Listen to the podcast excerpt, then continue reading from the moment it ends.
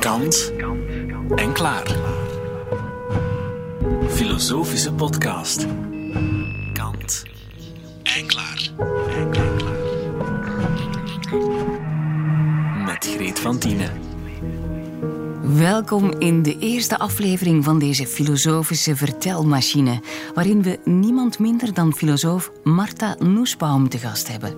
So I think we have to make it clear to people that these global problems can be solved, but only if people in large numbers address them. And it really is about the world that your grandchildren will have. Absolutely. Nussbaum zegt ook: om goede burgers te worden in onze complexe wereld, moeten we proberen de wereld vanuit veel verschillende posities te bekijken. Dat is het net wat filosofie kan doen en wat we ook in deze podcast zullen uitproberen. Onderzoeken, vragen stellen, openingen maken, twijfelen ook op zijn tijd. In deze reeks vertrekken we van de vier vragen van Kant. Volgens de 18e-eeuwse Duitse filosoof Immanuel Kant waren dit de hoofdvragen van de filosofie. Wat kan ik weten? Wat moet ik doen? Wat mag ik hopen? En als laatste en omvangrijkste vraag, waarin alle vorige besloten liggen, wie is de mens? Elke filosoof die hier aan bod komt, krijgt één of twee van deze vragen voorgeschoteld. Ze zijn een soort richtingaanwijzer voor het gesprek waar hij of zij alle kanten mee uit kan. Filosofie gaat, wat mij betreft, niet over grote theorieën en allesomvattende denksystemen. Nee, de reden waarom ik er jaren geleden zo door gegrepen werd, is net omdat het werk van denkers van vroeger en nu ons op gang kan zetten om iets meer inzicht in de wereld en in onszelf te krijgen. Je denken losfrikken uit de gebaande paden. Zo kan filosofie zelfs een remedie zijn tegen stilstand of verstoffing. Een beetje motorolie op vastgeroeste denkpatronen. And I'm thinking, well, should we be reconciling ourselves to our mortality and not trying to extend the human lifespan? And see, I think this is very, very tricky because, on the one hand, I think it's wonderful that we could now live to be 100. My grandmother lived to be 104, and you know, I hope that I would live that long and good so long as my mind holds up anyway. Marta Nussbaum is daar het beste bewijs van. Bijna 70, maar superfit. Zowel geest als lichaam. Ze ziet er drooggetraind uit als een lange afstandsloper. Ze kreeg net een eredoctoraat van de Universiteit van Hasselt. Daarom kon ik haar trouwens interviewen toen. En haar enige eis voor een hotel was: er moest en zou een fitnessruimte zijn, want ze wil per se elke dag trainen. I'm a real physical fitness addict. I insist on a lot of exercise. I want a healthy diet, but I, I also want the doctors to be trying to figure out how to cure the diseases that I may happen to have as I get older. And or uh, if you need a new hip or something, oh, that, that would be possible. Absolutely. Ze doseert rechtsfilosofie en ethiek aan de Universiteit van Chicago en wil het liefst tot haar 85ste aan de gang blijven. Als het brein even mee wil, natuurlijk. So I do want that kind of transcendence. I would like it that the human lifespan would get longer and longer. Now, of course, we have to then think how do we deal with population issues? How do we make sure that as more and more 80 year olds are teaching in universities, and I'm very, very opposed to compulsory retirement. But if we don't have compulsory retirement, if I'm going to teach till I'm 85, as I would hope to do, then, you know, we have to think what about the younger people and how we make sure that enough is there for them. Nussbaum geeft les en schrijft boeken. Ze werkt zowel rond politieke filosofie als rond het welzijn van de individuele mens. Ze dacht na over het belang van emoties, is geïnspireerd door de klassieken en door literatuur. Voor de Verenigde Naties werkte ze dan weer samen met econoom Amartya Sen aan een nieuw concept van ontwikkeling. Ze heeft grote belangstelling voor India en de situatie van vrouwen, en zo verder enzovoort. Maar ze heeft ondanks al die geleerdheid en serieus ook iets frivols. Ze droeg tijdens de optocht van de Togati aan de Universiteit van Hasselt als enige een roze toga tussen allemaal zwarte exemplaren. En ze heeft iets onbestemds vrolijks over zich. Ze werkt nu met een mannelijke collega aan een boek over ouder worden. Aging. Hij schreef tot haar vreugde net een essay over het glamourgehalte van rimpels. My colleague, my, my co author, has just now written a, a, piece for our book called Can Wrinkles Be Glamorous? And, uh, and he's, he's, a man. Well, he's saying, yeah, you know, they are. Yeah. Because they're, uh, you know, if the eyes look right, you know, then you really have to say that's great. We beginnen met de kantvraag: wat moet ik doen? Hoe kunnen we in deze verwarrende tijden afgeraken van dat verlammende gevoel van onmacht? Van dat idee dat het toch niks helpt of we nu iets doen of niets. So, yeah, we have to figure out what to do. Now, I think each of us has obligations to try to cultivate a worthwhile life for ourselves and for our loved ones. But each of us also has obligations to serve humanity and the larger world. I would include in that animals, which are very important to me. We hebben ten eerste de verplichting voor onszelf een waardevol leven uit te bouwen. Maar we moeten ook buiten de grenzen van ons eigen leven kijken. We hebben ook een verantwoordelijkheid tegenover de mensheid en andere levende wezens, de dieren. So then how to do that? Now, there are many, many ways to do that, of course. And I think one way is to think and teach and write. And I firmly believe that intellectual work is important in the future of humanity. That's the only reason I could justify uh, the life that I lead, which is so pleasant and involves work that I love. But I think people's talents lead them in all sorts of different directions. And if their talents are, for example, in um, politics, then they should serve through politics. If their talent might be for activism, if they're in the arts, I think the arts have a tremendous role to play in serving humanity and making life richer and better. And, and finally, we shouldn't forget that by simply being a member of a family and bringing up children, we also serve the future of humanity because we educate the next generation. Voor mij is zinvol leven nadenken en lezen en schrijven, zegt ze. En ook, ik geloof vast dat intellectueel werk erg belangrijk is voor de toekomst van de mens. Anders zou ik mijn zo aangename manier van leven en het werk waarvan ik hou niet kunnen verantwoorden. Dus Noesbaum verbindt het persoonlijke steeds met de wereld. We kunnen ons niet opstellen als losse projectielen die doen en laten wat ze willen. We maken als individu deel uit van de wereld en moeten onze persoonlijke mogelijkheden hiervoor inzetten. Dat kan natuurlijk op alle mogelijke manieren. In de politiek gaan, activist worden, lesgeven of gewoon je kinderen opvoeden of tuinieren. Wat je goed kan, moet je vooral gaan doen. En doorheen het doen, via het handelen, ga je de dingen ook beter begrijpen en jezelf beter begrijpen. Maar alles begint lokaal. Je hoeft niet direct de wereld te veranderen. En als genoeg mensen handelen naar best vermogen, heeft dat weer meer effect. Ze geeft het voorbeeld van de publieke moestuin van haar Joodse tempel in Chicago. And so I guess if people are feeling that kind of disconnect from action, I would urge them to get involved very much at the local level. My um, temple has the largest food garden that supplies fresh produce to the poor in all of the United States. And on any day, you'd find loads of people and many of them are not members of the temple at all, and they're not even Jewish at all. They come and they garden and they produce food, and then it gets delivered all over Chicago. Of course, it has to be local because it's fresh. And, uh, and you know, there are things like that that you can do. If you don't like gardening, you can do something else. But there's always something that, that one can do. And I think hope is usually best cultivated at the local level because if you see the um, gleam in the eye of a child that gives you a sense of hope for the future.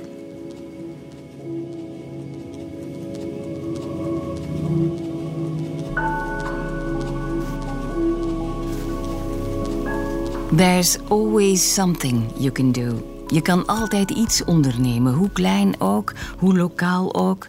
Laat je niet verlammen. Denk na wat jij zou kunnen doen met jouw mogelijkheden. Wat past er bij mij? Wat zou ik kunnen volhouden? Therefore, you need to ponder where who am I and, and what can I contribute? You have to know who you are first. Well, That's the start. I start. Think you sometimes find out who you are by acting. So it's a it's it's like a chicken and egg. Probably you don't know which comes first, but I think you have to have some inkling, and that's one thing you discover as you become an adult. You increasingly refine your knowledge of who who you are by seeing what you do well, what you don't do well, right? It's never you never just sit there thinking, "Who am I?" You always learn it in by process of doing. You learn, could I be a, an athlete? No, I learned I could not be a, an athlete. Wat is de mens? Als er ooit een veelomvattende vraag was, dan die wel. Volgens Noesbaum is het leven fragiel want afhankelijk van toevallige gebeurtenissen, van het noodlot. En de mens is al even breekbaar, omdat ons innerlijk bepaald wordt door stemmingen en emoties. Tragiek hoort bij het leven, of het DNA van ons bestaan is doortrokken van het tragische en van oncontroleerbare gebeurtenissen. Zelf is ze zich maar al te goed bewust van het belang van het nest waaruit je komt en de kansen die je kreeg. De weerbaarheid die je opbouwt in je jeugd. Of net niet. Haar vader, een advocaat, leerde haar je niet te laten meeslepen door het noodlot. My father had brought me up to feel that you should never just yield to fortune his favorite poem, and by the way, it was Nelson Mandela's favorite poem also, was Invictus by William Ernest Henley.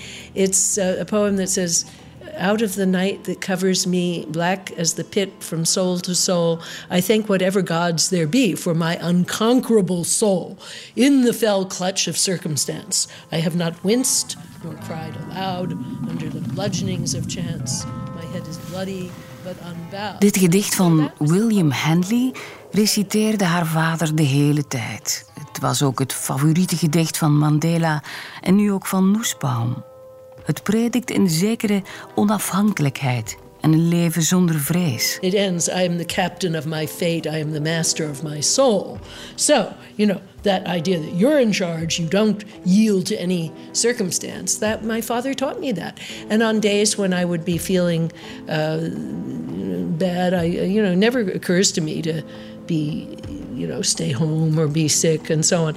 Uh, my father never stayed home a day at all in the uh, from the office, even when he had the flu or something, and even when he had terminal cancer, he went every day to the office, and he actually died putting his papers into his briefcase. So Wat er ook gebeurt, ze meldt zich nooit ziek. Ook haar vader bleef nooit thuis. Hij stierf aan kanker terwijl hij zijn papieren in zijn aktentas stopte. Het is een soort heldenmoed van alle dag. Je niet van slag laten brengen door wat er op je afkomt. Als mens moet je daarvoor heel goed weten wat er van waarde is in je leven. Dus zelfonderzoek is nodig, anders zwiep je hulpeloos mee met de slagen van het noodlot. En het bijzondere is, zegt Noesbaum, dat we ondanks die ultieme breekbaarheid van het leven toch tot veel in staat zijn. We kunnen werelden scheppen van vriendschap, en schoonheid, of werelden van verbeelding.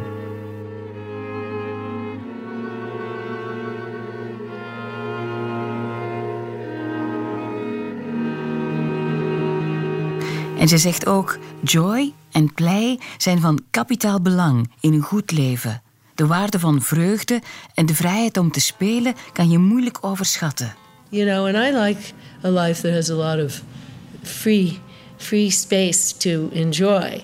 Uh, I do a lot of exercise, I do a lot of singing, and I, I just wouldn't change it for some other life where I couldn't have that. And, you know, time with my friends, time with the people I love. I wouldn't uh, change my life for one that didn't have that. And I think there are a lot of people in the world who don't have that chance. And I do remember that when my book was translated into Japanese, my Japanese translator said, You know, there's one thing I don't understand about your book.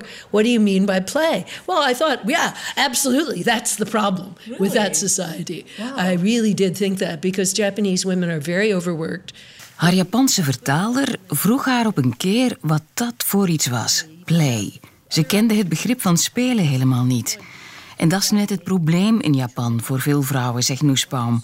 Ze leven lang, hebben een goede healthcare, maar werken veel te hard en moeten dan ook nog zorgen voor kinderen en hun bejaarde ouders. Ze amuseren zich helemaal niet. En ook bij ons wordt er al snel gezegd dat vrouwen gemaakt zijn om te zorgen. Van dat idee moeten we af, zegt Noesbaum. Because women are expected like you do this because of love and so on you take care of your aging parents because that's women's nature i don't think that is women's i think that everyone should share in the work that needs to be done and they should share it in a way that's fair and the society should make sure that no one is shouldering the whole burden all by themselves. En nu ze toch bezig is, zijn er nog wel enkele dingen waar we van af moeten. Bijvoorbeeld van de absurde afschuw voor de dierlijkheid van ons lichaam. En vooral het vrouwelijke lichaam, dat volgens de huidige normen moet opgepoetst worden en strak getrokken voor het toonbaar is. It has led, in most times and places, to a hatred and disgust with our own animality.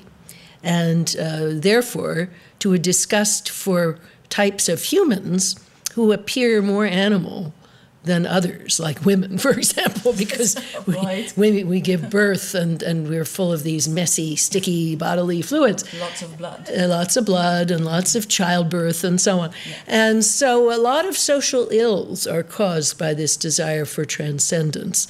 So I think the challenge is to try to figure out what's the good of it and what's the bad of it. And we want to, you know, try to transcend our own limitations and make a world that's better than the one we know before, but not by virtue of cutting ourselves off from the the stuff and the fluids that we're made of because we are animals.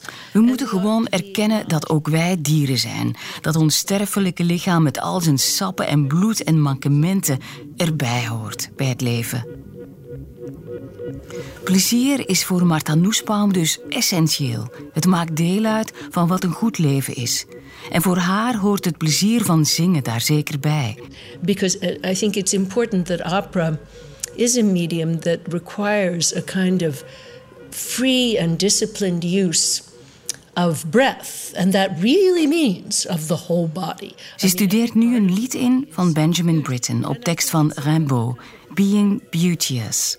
Het gaat over de spanning tussen de liefde voor schoonheid en de wereld die toch altijd inbreekt. Het illustreert perfect haar stelling over de ultieme fragiliteit van het leven. And I also love Benjamin Britten. So I've been working on, um, you know, the song cycle, the illuminations. There's one particularly beautiful you know, it's a setting of prose poems by Rimbaud. And there's one particularly beautiful one, which actually is called Being Beauteous. And it is a, it's a, it's a love poem, but a poem that deals with the opposition between love of beauty and the, the world that always breaks in and interferes, which, of course, is a, an obsessive theme of Benjamin Britten. And, uh, and, and so I found that song extremely beautiful, and I'm planning to sing that in a future recital.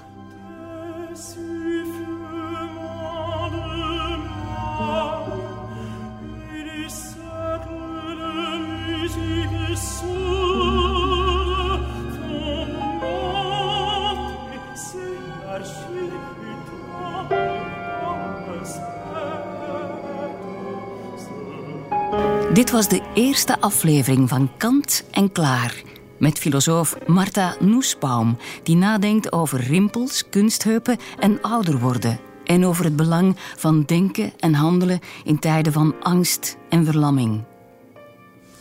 Je bewustzijn dat je ondanks de fragiliteit van het leven altijd wel iets kan doen, net omdat we mens zijn. Een hoopvolle gedachte.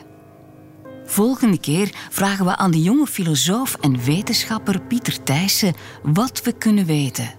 Hij doctoreert over tijdreizen, dus ik vraag me af waar we zullen uitkomen. Heel graag tot dan. Dag.